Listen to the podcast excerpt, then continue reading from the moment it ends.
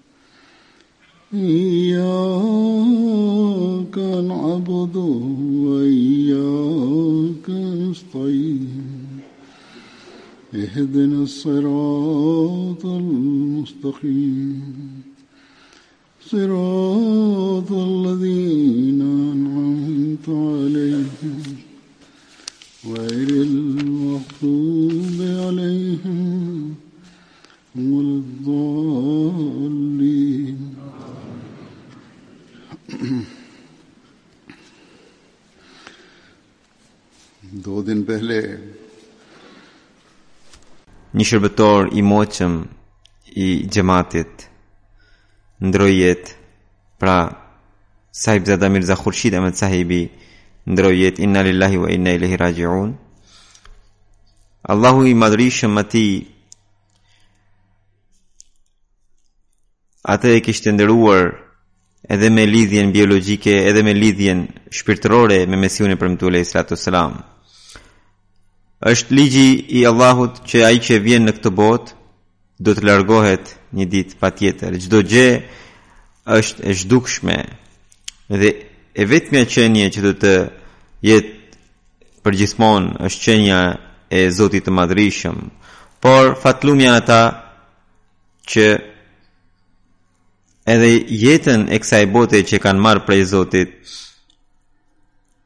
e kalojnë me një qëllim madhor dhe përpiqen për ta fituar pëlqimin e Zotit Ata e kuptojnë që një njeri i dëlirë ose pra ata e kuptojnë që nuk bën dobi thjesht të kesh lidhje gjaku me një njeri të dëlirë, me një me një veli apo me një mesi. Dhe as kjo nuk e, e sjell pëlqimin e Zotit.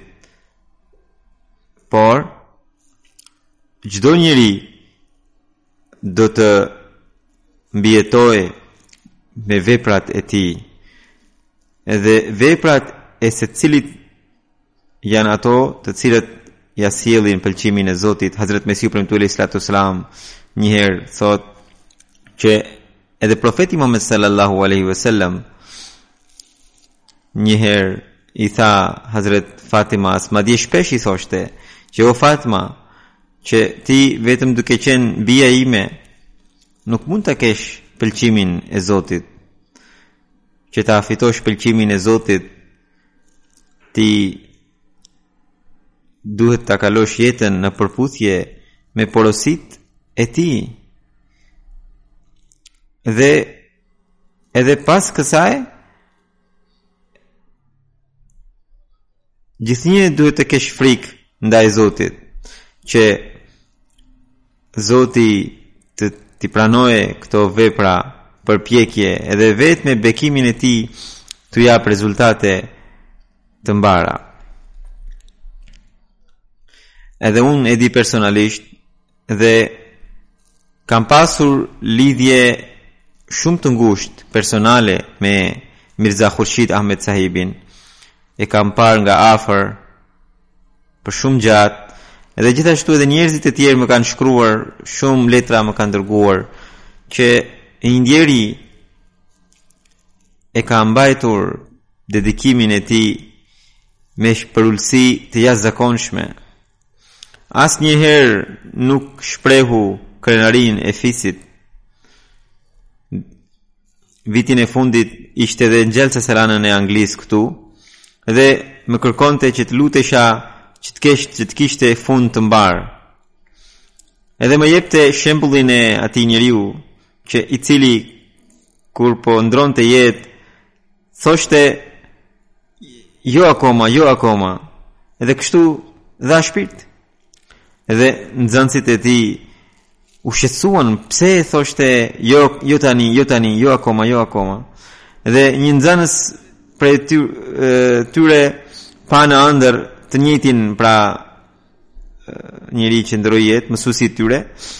Edhe e pyeti pse thoshe kur po ndroje jetë, jo akoma, jo akoma. Dhe ai i shpjegon që në kohën e fundit erdhi djalli pranë meje dhe më tha, ti shpëtove nga dora ime, nga duart e mia. Ke qenë shumë i dëlirë. Por unë i thosha atij që jo akoma, jo akoma, sepse derisa kam shpirt në trupin tim, nuk dihet se ça do të bëj. Kështu që edhe gjatë kohës kur po jepja shpirt, i thosha djallit, jo akoma, nuk kam shpëtur prej teja akoma. Edhe tani e ka që ja që kam ndar që jam ndar nga bota tani jam në xhenet. Pra njerëzit që janë të Zotit deri në fund shqetësohen për fundin e tyre. Të njëjtën të njëjtin shembull ai e jepte për veten, sepse kuptonte shpirtin e dedikimit.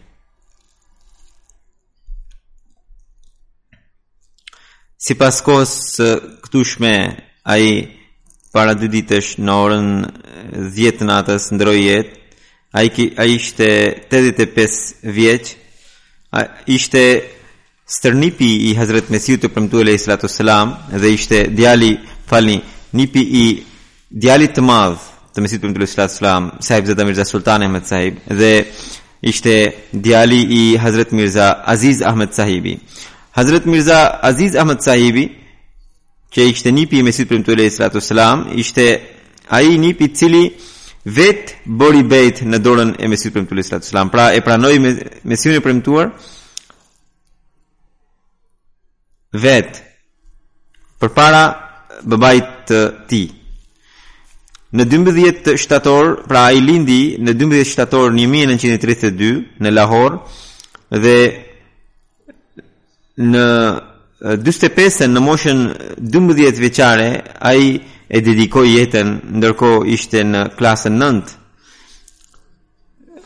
shkollën e mesme e kreu nga Kadiani dhe pastaj nga kolegjin e kreu nga PTI High School dhe me porosinë e Hazret Kalifit të dytë u regjistrua në kolegjin pra në Lahore uh, Universitetin Lahore për të kryer master në gjuhën angleze në Më dhjetë shtator, pesëdhjetë e gjashtën, ai si i dedikuar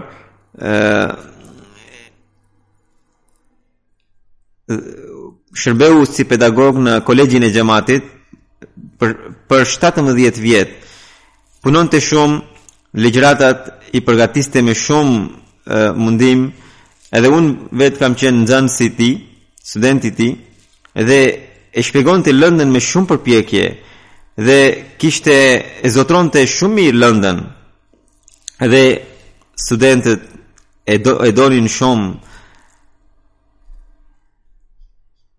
në vitin 1964 ai udhëtoi për në Angli në për t'u regjistruar në një në Leeds Universitet ku do të bënte një kurs një vjeçar për fonetikën e gjuhës angleze. Në 74-ën, në situatën e trazuar të vitit 74, Sahibzada Mirza Khurshid Ahmed Sahibi ishte bashkë me Hazret Kalifin e tretë dhe ishte në ekipin që Kalifi i tretë kishte përgatitur që përbëhej nga disa djem të cilët jeto banonin në shtëpinë e Kalifatit. Gjithashtu, Hazret Kalifi i dytë hapi një shtëpi në Rabva për fëmijët jetimë dhe të pastrehë dhe në gjashtëdhjetë e dytën pra u hap kjo shtëpi e cila u quajt Darul Iqamatun Nusrat më pas kalifi i tretë e ndërroi emrin me Imdad-e-Talaba Mirza Khurshid Ahmed Sahibi ka qenë drejtor i kësaj shtëpie nga 78-ën, nga 78-a deri në vitin 1983. Më pas ai pra kjo shtëpi u u mor në Nazarat Talim, Në 30 prill 73, ai shërbeu si nazir khidmet e dervishan nga 76 deri në 88-ën, ai shërbeu si additional nazir e ala dhe në disa poste të ndryshme të rëndësishme, pra pati mundësi të shërbente. Nga tetori 1988 në shtator 1991, ai shërbeu si nazir umure ama nga 1992 deri në maj 2003, ai ishte nazir umure kharxha dhe më pas, pasi unë u zgjodha kalif, Unë e caktova Nazir Ala dhe Amiri i Rabvas.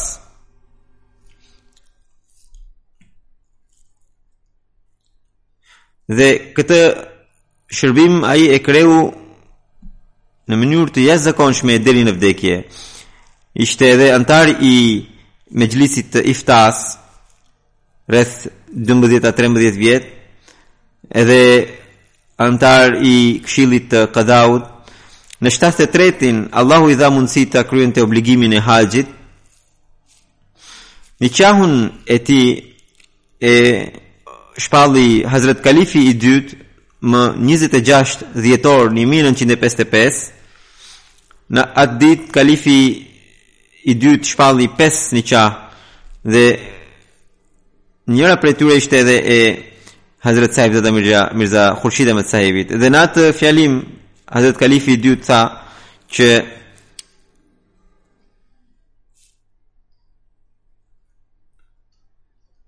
Ndër djemtë që do të martohen sot është edhe Mirza Khurshid Ahmed Sai, Mirza Khurshid Ahmedi, i cili është nga fisi i Mesihut të Premtuar alejhi selam, i cili është djali i i Mirza Aziz Ahmed Sahibi.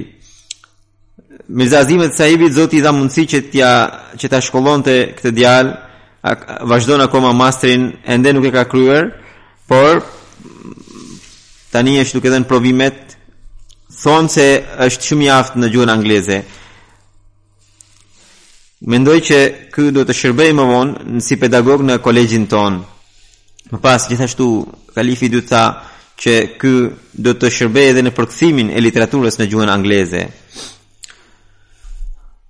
Allahu i madhërishëm të ndjerit i dha gjashtë fëmijë pra katër djem janë të dedikuar, njëri prej tyre është doktor shkence që është në Nazarat Talim dhe një tjetër është avokat që shërben si këshilltar ligjor në zyrën e xhamatit dhe pra gjashtë djem zoti i madhërishëm i dha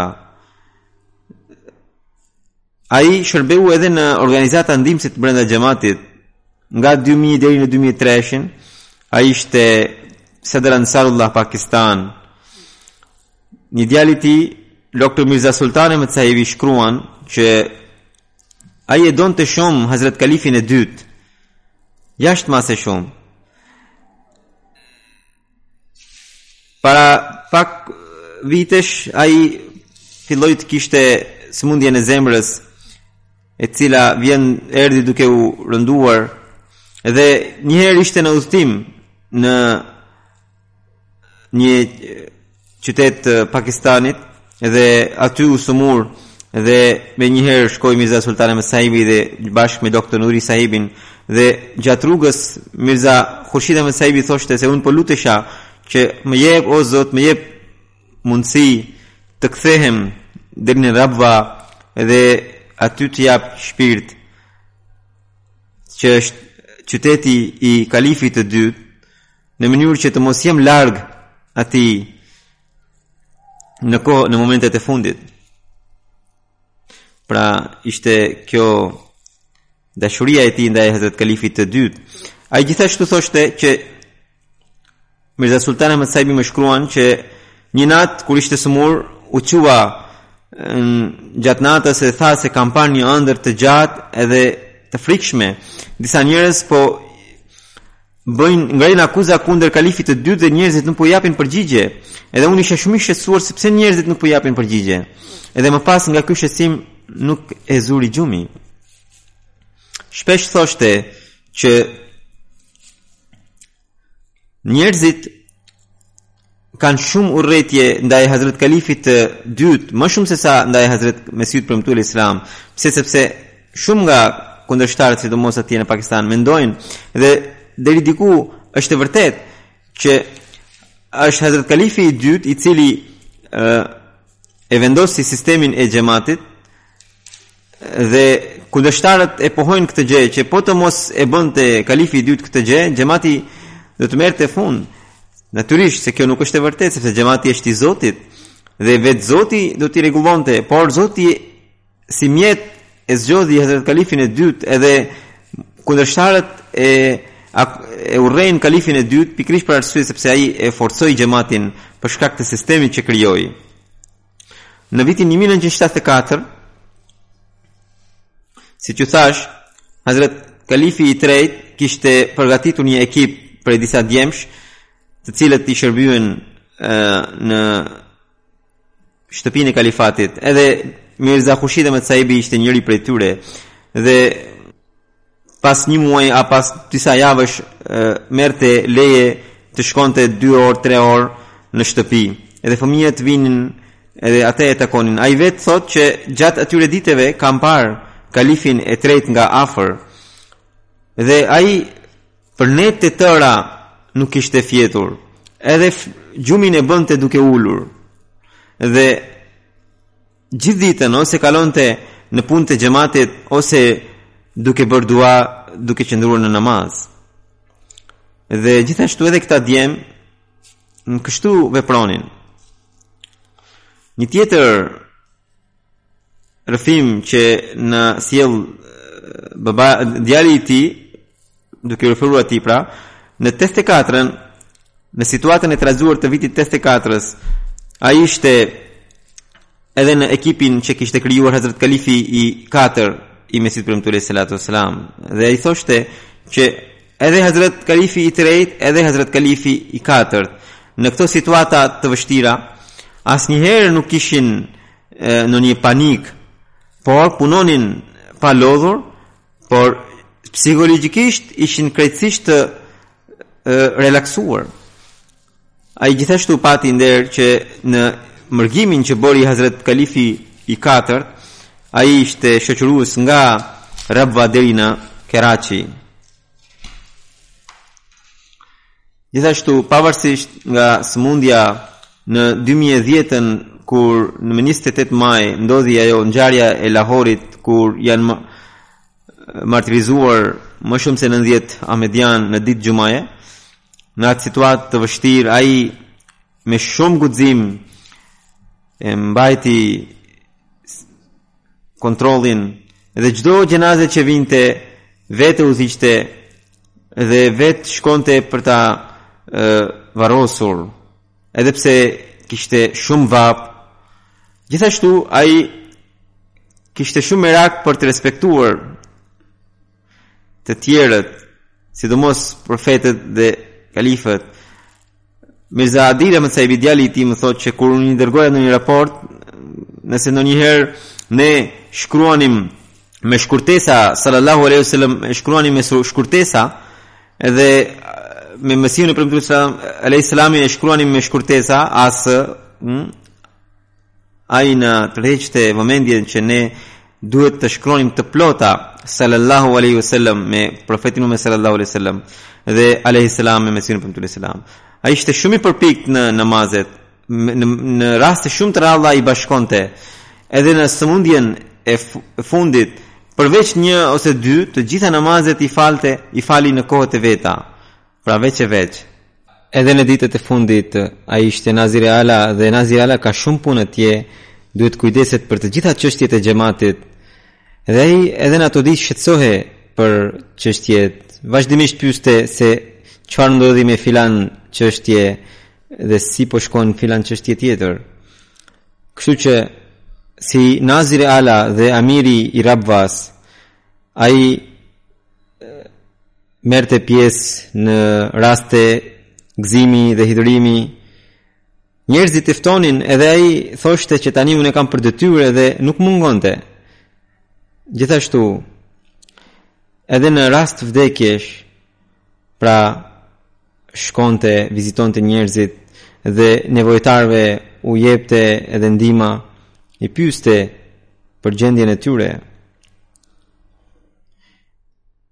Pavarësisht nga sëmundja, në zyrë vinte në me orar dhe qëndronte gjatë gjithë kohës dhe kjo është një prej vetive të tij kryesore.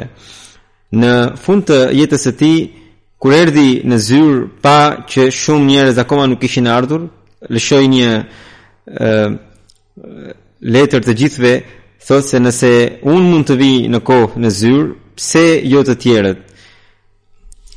Pra, në çështjet e organizimit, aty ku mendonte se se ka nevojë për qortim, e bënte, por me shumë dashuri.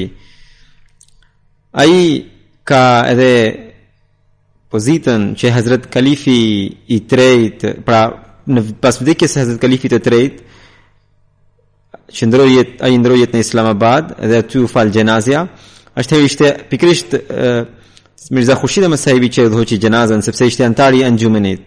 Edhe pse ishte Hazrat Kalifi i katërt, edhe ai tha Hazrat Kalifi të katërt që ta udhëhiqte namazin, mirëpo Kalifi i katërt tha se jo, ju keni qenë anëtar i anxhumenit, kështu që udhëhiqni ju namazin e xhenazës. Kështu që Ai jo vetëm kaq, por i dha gusel edhe Hazrat Kalifit të tretë pas vdekjes së tij pra.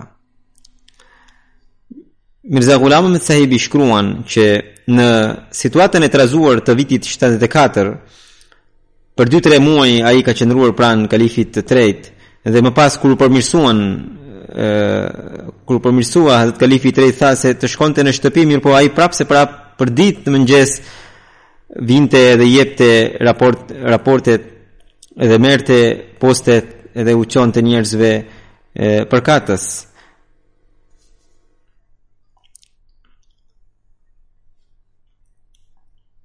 Gjithashtu, Mirza Ghulam Ahmed Sahibi shkruan që pa, pas vdekjes Hazret Kalifit të tretë edhe sa ishte zgjedhur Hazret Kalifi i katërt Kalifit të katërt i ishte humbur unaza e Mesihut të Premtuar Alayhi Salatu Sallam që thoshte Alaysa Allahu bikafin abduhu. Kalifi i katërt u shqetësua shumë edhe e thirri pikërisht Mirza Khurshid Ahmed Sahibin dhe tha se ju jeni një besnik i kalifatit dhe keni qenë besnik i çdo kalifati tjetër. Dhe e kam humbur këtë unazë, ju lutem gjejeni. Dhe me bekimin e Zotit, alhamdulillah, ai e kishte gjetur atë.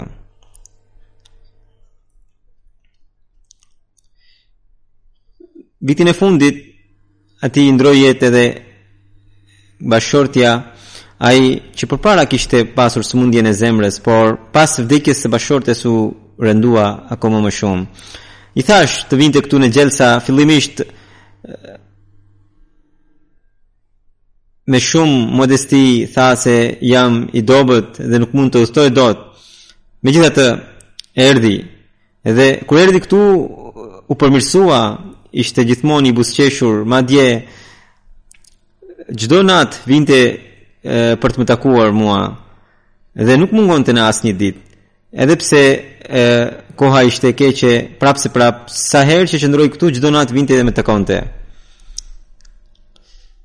Mukarram Fauzia Shamim Sahiba, Sadr Lajna Lahore, thotë se E kjo është e bija e Nawab Amatul Hafiz Begum Sahibës, e cila ka qenë vajza më e vogël e Mesihut të Premtuar Alayhi Salatu Selam. Ajo thotë që pasi Mirza Khurshid Ahmed Sahibi u zgjodh si Nazir i Ala, ne kemi parë vetitë e tij të shumta, ishte një njeri shumë i përulur.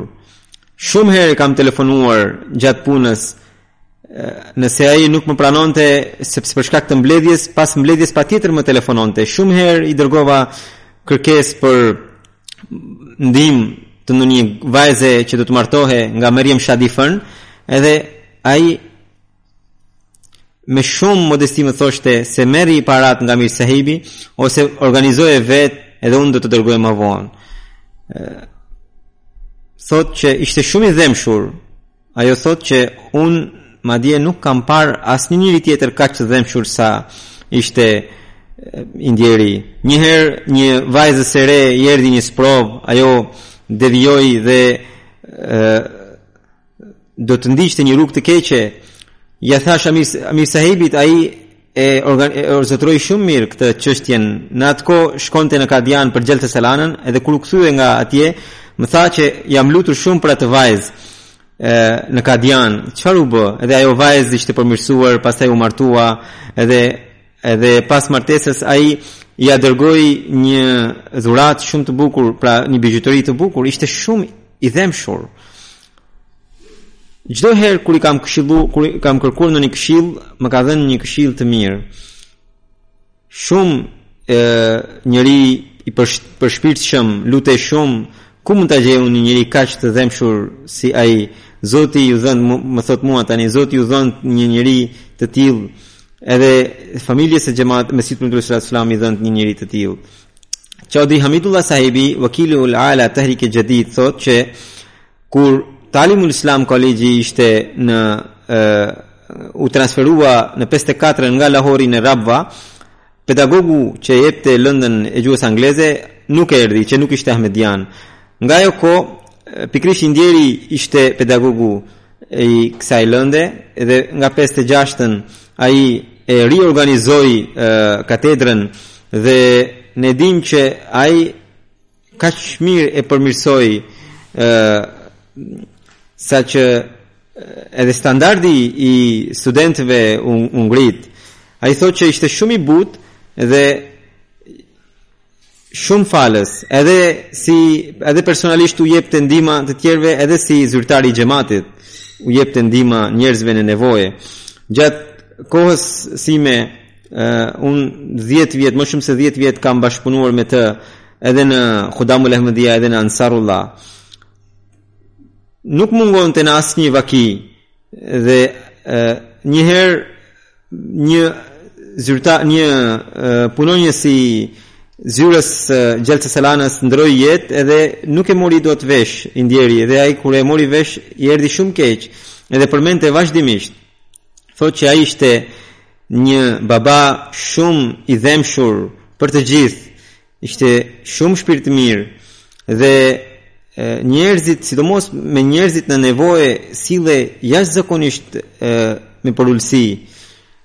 Ishte një qenie E jashtëzakonshme, unë, siç thashë, ka, thotë, Vakarullah Sahibi, që për 10 vjet kam pasur pra mundësi të punoja me të edhe unë nuk mbaj mend që në ndonjë kohë ai të më ishte zemëruar apo të më kishte qortuar edhe sikur të bëja ndonjë gabim me shumë dhembshuri dhe dashuri më udhëzonte Në Nazaret Ulja kemi një misionar që Khuaxha Muzaffar Sahibi ai shkruan që ai pra Mirza Khurshid Ahmed Sahibi e përballoi sëmundjen e gjatë me shumë durim. Unë kam qëndruar me të për shumë vjet pranë tij, pra ai ishte më shumë sesa babai im për mua nga dhembshuria dhe thotë që shumë herë kam pasur këtë përvojë që i vinte ndonjë burrë a grua për si nevojtar dhe ai i jepte gjërat e nevojshme, qoftë qofshin harxhe të shtëpisë, qoftë një televizor, qoftë një jastëk, një krevat e tjera ose qoftë ndihma financiare. Pastaj kur personi nevojtar largohej, më thoshte mua, që të lutem shko në shtëpi, analizoje këtë njeri edhe më thuaj prapë. Edhe kur unë kthehesha dhe më pyeste se si është gjendja, edhe kur unë i tregoja se kështu kështu, ai më thoshte se zemra më thoshte se ky person ishte më nevojtar sesa aq që i kemi dhënë. Edhe pastaj i çonte ndihma të tjera.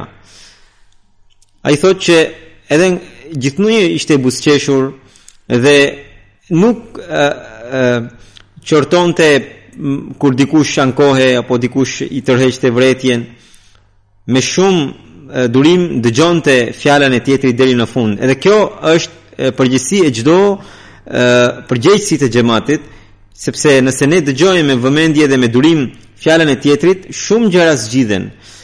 Misionari sahibi në fjalë thotë që një herë në një në, në po në zyrë dikush i dha ankesën e tij dhe kaq shumë u soll keq saqë nga zemrimi e grisi e, kërkesën e tij dhe e hodhi atje në zyrë. Unë isha aty pranë edhe u habitesha nga mungesë respekti i atij njeriu ndaj amirit të xhamatit. Mirëpo ai tha se mos thuaj gjë, s'ka problem. Çdokush ka mendimin e vet. Kështu që uh, unë çuditesha duke parë nivelin e lartë të durimit dhe të uh, kurajës së tij, pavarësisht se ishte i dobët fizikisht, por shpirtërisht ishte shumë i fortë. Ai kishte edhe kujtesën e kishte shumë të fortë.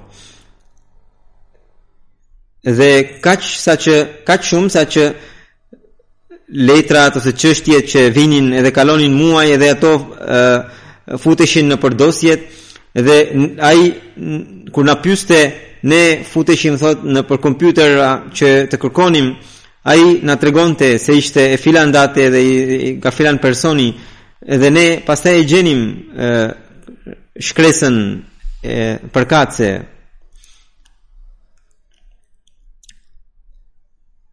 Pra, ai i njifte mirë të gjitha dosjet e zyrës, edhe kjo është një prej vetive që duhet të ketë përgjegjësi, përgjegjësi duhet të kenë përgjegjësit e xhamatit.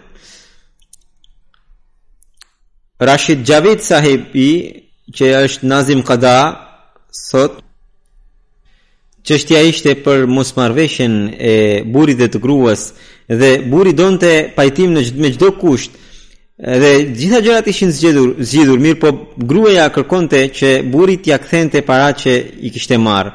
Mirëpo burri e kishte shumë të, burri e kishte shumë të dobët gjendjen financiare. Nazim Kazau thotë që unë shkova tek Amir Sahibi dhe i thashë që jepini gjysmën edhe unë do jap gjysmën e atyre parave që kërkon gruja nga burri vetë. Pastaj i thashë me buzëqeshje, më mirë ju jepni, ju jeni i madh, jepni të gjithën ju, ai buzëqeshi dhe tha se mirë po, nga ana ime po ia jap këto parat. Edhe kështu u zgjidh ajo martesë, Misionari i Fazli Umar Foundationit thotë që motrat e mia kur erdhën në Rabva, njëra prej tyre kishte sëmundje lëkure dhe për shkak të higjienës ajo do të kërkonte e, të banonte në Daru Zijafat, mirëpo organizatorët thanë se për këtë duhet të marrësh leje të posaçme nga Nazir e Ala, pra nga Amir Sahibi. Dhe ne thonë motrat habiteshim se si do ta takonim një zyrtar kaq të lartë siç ishte e, Mirza Khurshid Ahmed Sahibi. Edhe guxuam të shkonim në zyrën e tij dhe ai na e pranoi, na pranoi zyrën në zyrën e vet, edhe u takua me ne sikur të ishte babai jonë. Edhe kaq shumë u kujdes për ne saqë që nga ajo ditë neve na u forcua besimi në sistemin e xhamatit dhe na u shtua edhe besimi. Amiri i rrethit Khushab Munawar Majoka Sahibi shkruan që Mirza Khurshid Ahmed Sahibi Naziri Ala dhe Amiri Rabwas ishte një njeri shumë i dobishëm për njerëzit. Kujdesej edhe për gjërat e vogla në detyrimet. Ishte shumë ndihmëtar ndaj nevo, ndaj nevojtarëve. Edhe unë këtu do të paraqes një ngjarje të vogël e cila Më la përshtypje të thellë të personalitetit të tij të lartë. Ngjarja ishte afërsisht në vitin 2015-ës, isha në zyrën time dy gra të provincës sime që ishin shumë të varfra, erdhën tek unë edhe më thanë se më kanë dërguar Naziri Ala pra Mirza Khurshid Ahmed Sahibi, për të marrë rekomandimin tuaj në kërkesën tonë për ndihmë. Unë kur ua dëgjova situatën dhe vendosa që në vend që ta që t'i dërgoja përsëri në qendrën kryesore, t'i ndihmoja nga zyra e provincës, nga zyra ime. Edhe i ndihmova. Të nesërmën kur prapë isha në zyrë, Ndërkohë, më mori në telefon vetë Khurshid Ahmed Sahibi, Naziri Ala, dhe më pyti se dy gra të provincës suaj ju kisha dërguar dhe sot nuk më kanë ardhur prap për të më kër, për të më marrë të ndihmën. Edhe jam i shqetësuar që mos i keni kthyer mbrapsht ata ato. Edhe kështu që vendosni rekomandimin tuaj dhe ma ktheni mua në mënyrë që t'i ndihmoj në kohë. Atëherë i tregova që unë i kam ndihmuar nga zyra e provincës dhe prandaj nuk ju kam dërguar dot. Amir Sahibi thotë që kjo është një ngjarje shumë e vogël, por tregon që sa shumë ai shqetësohej edhe për njerëzit që vinin dhe i kërkonin ndihmë. Edhe pse ai ishte një njeri shumë i lartë në përgjegjësitë e xhamatit. Pikërisht kjo është ajo përgjegjësi që çdo përgjegjës i xhamatit duhet ta ketë. Se si duhet të veprojë, nuk duhet vetëm që të lëshojmë urdhrat apo vendimet, por çdo kërkesë duhet ta ndjekim deri në detaje.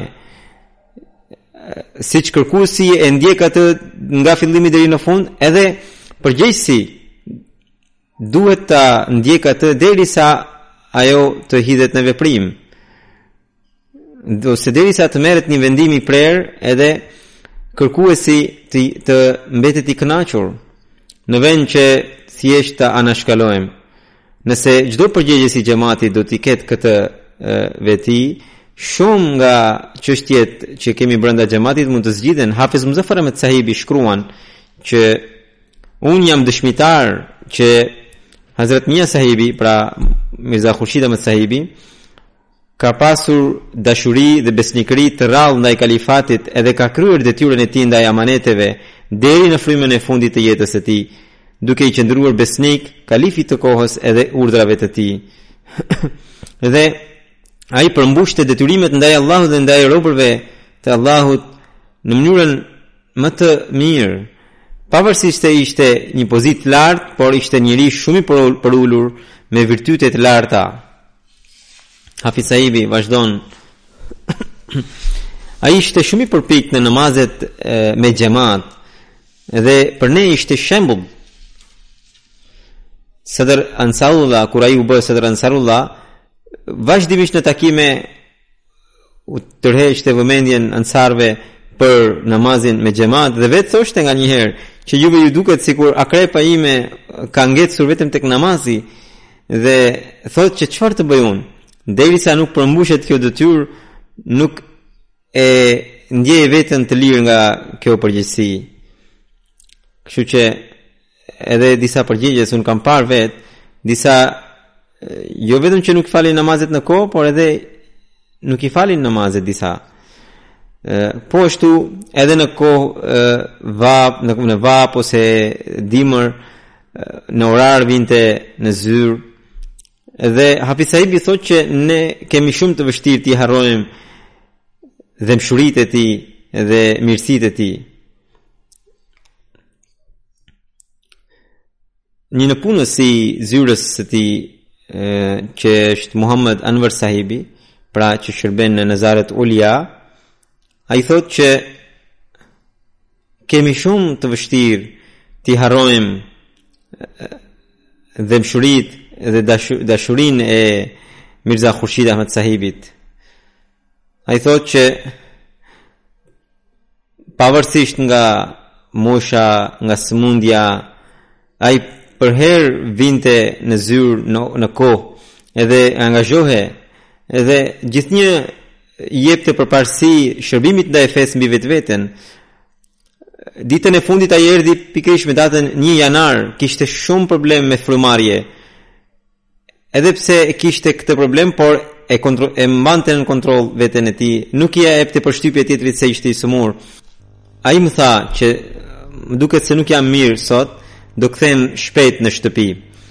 Dhe kjo nuk do të thoshte se ai nuk do t'i bënte punët, sepse gjithashtu i tha që më sillni të gjitha dosjet sa më shpejt, shkresat që t'i nënshkruaj.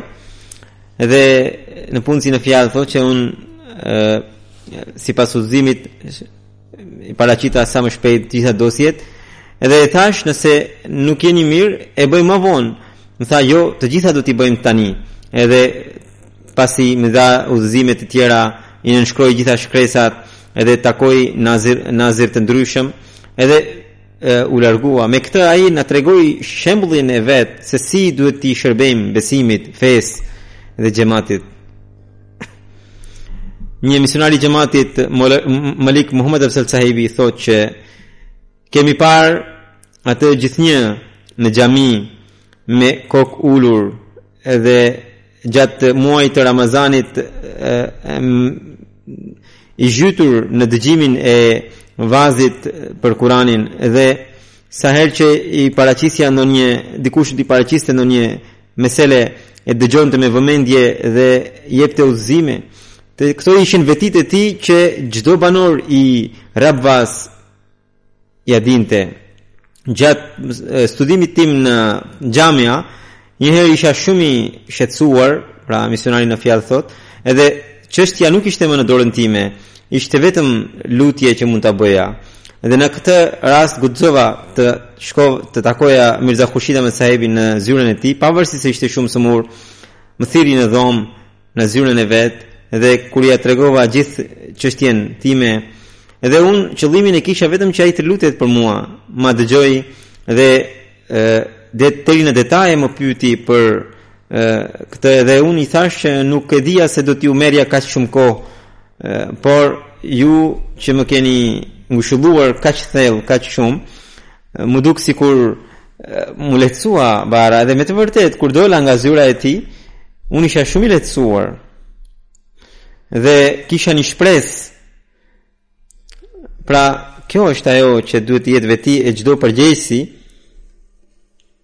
që duhet t'i bindim dhe tjerët misionari në fjalë shkruan që ai ishte shumë i butë Edhe një mik i ti, një mik i im më tha që kur ishte i ri dhe paraadoleshent dhe po mësonte të ngaste motor dhe në në një rrugicë të Rabvas po jep ngisja ngaja motorin edhe rashë nga motori dhe përplasa me bahçen e e Mirza Khurshid Ahmed Sahibi, edhe Mirza Khurshid Ahmed Sahibi ishte pikërisht duke ishte aty duke vaditur lulet. Edhe unë isha në moshë edhe dikush tjetër edhe do të më qortonte ai menjëherë erdhi më ngriti dhe më tha mua që e, Më pyeti se mos kam bir, mos kam mos ke pësuar ndonjë pla ndonjë mos u lëndove. Dhe më tha pastaj me shumë dashuri ta vlerësoja vetë jetën time. Ai kishte shumë respekt ndaj misionarëve dhe ndaj atyre që dedikojnë jetën Dhe i donte shumë, pavarësisht se vetë ishte shumë i shkolluar, por ishte kaq i përulur saqë në në takimin e fundit të mision pra studentëve të fakultetit të xhematit ku Studentët bëhen misionarë, dalin misionarë. Edhe një herë unë e caktova pikërisht Mirza Khurshid Ahmed Sahibin si mysafir kryesor të atij takimi. Edhe në fjalën e tij tha që unë gjatë gjithë jetës jam mësuar të dëgjoj fjalët e misionarëve, tani si mundem të fla, të hap gojën përpara tyre? Ë Prandaj të flas para përpara tyre dhe prandaj unë nuk mund të guxoj t'ju këshilloj, vetëm do të jap disa ë përulësisht do t'ju tregoj disa gjëra. Edhe pas kësaj më tha, na tha, thotë thonë misionarët që porositë që ju jep kalifi i kohës Ato duhet t'i ndiqni me vëmendje të plotë dhe me përqendrim të nevojshëm.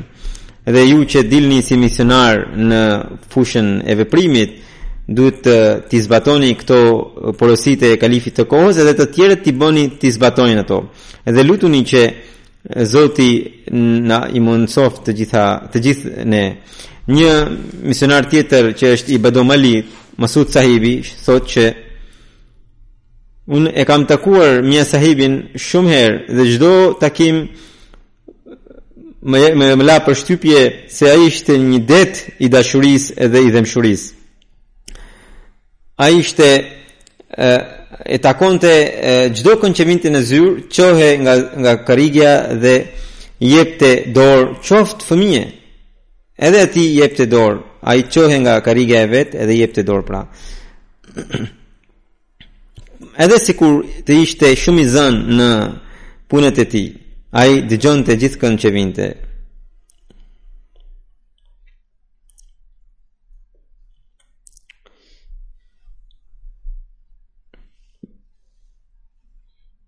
Misionari në fjalë pra vijon që Në zyrën e tij vinin të varfrit, të pasurit, të mëshuarit edhe fëmijë.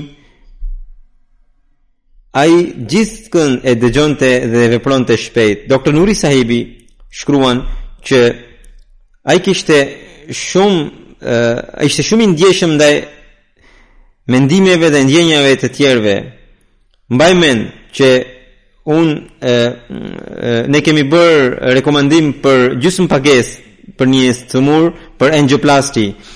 Pastaj Nazir-e-Ala Sahibi pra Mirza Khurshid Ahmad Sahib më mori në telefon dhe më tha do ta heqim gjithë pagesën e atij të sëmuri sepse Hazuri më tha që duhet të kujdesemi shumë për të sëmurit në nevojë. Pra njerëzit në nevojë. Ai kishte lidhje shumë të veçantë me spitalin Tahir Heart, pra Tahir Heart Institute, instituti e, e zemrës që e kemi të xhamatit në Rabwah. Dhe vetë kur ishte i sëmurë dhe po mjekohej atje,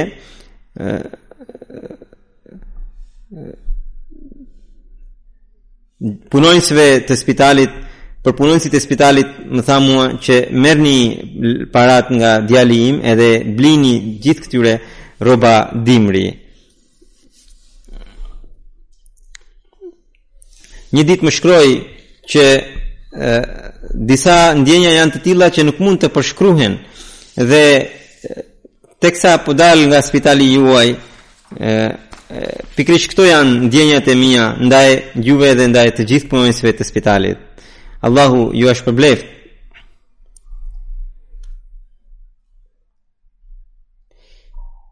Po Nuri Sahibi, pra doktor Nuri Sahibi vijon që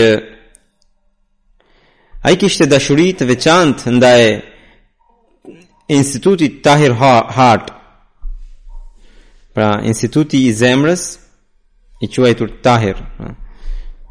Njëherë më tha që Nuri Sahib Tahir Hart është një fëmijë e kalifit të kohës dhe Allahu e plotësoftë dëshirën kalifit të kohës dhe ky institucion të, me, me të vërtetë bëhet një burim i paqes dhe unë përditë lutem për këtë spital që Allahu i madhërishëm ia përmbush, ia përmbush të gjitha dëshirat kalifit të kohës në lidhje me këtë institucion.